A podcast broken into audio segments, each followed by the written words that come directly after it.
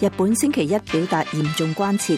此前菲律宾称喺南中国海斯卡伯勒浅滩有争议嘅水域发现十艘中国渔船。日本内阁官房长官菅义伟喺东京举行嘅新闻发布会上话：中国一直喺南中国海加速进行大规模填海工程。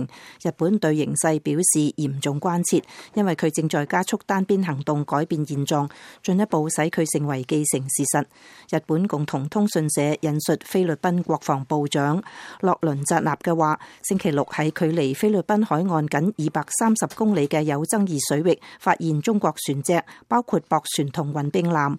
海牙国际法庭七月裁决，根据一九八二年嘅联合国海洋公约，中国喺南中国海嘅主张唔合法，该主张与菲律宾同其他四个国家重叠。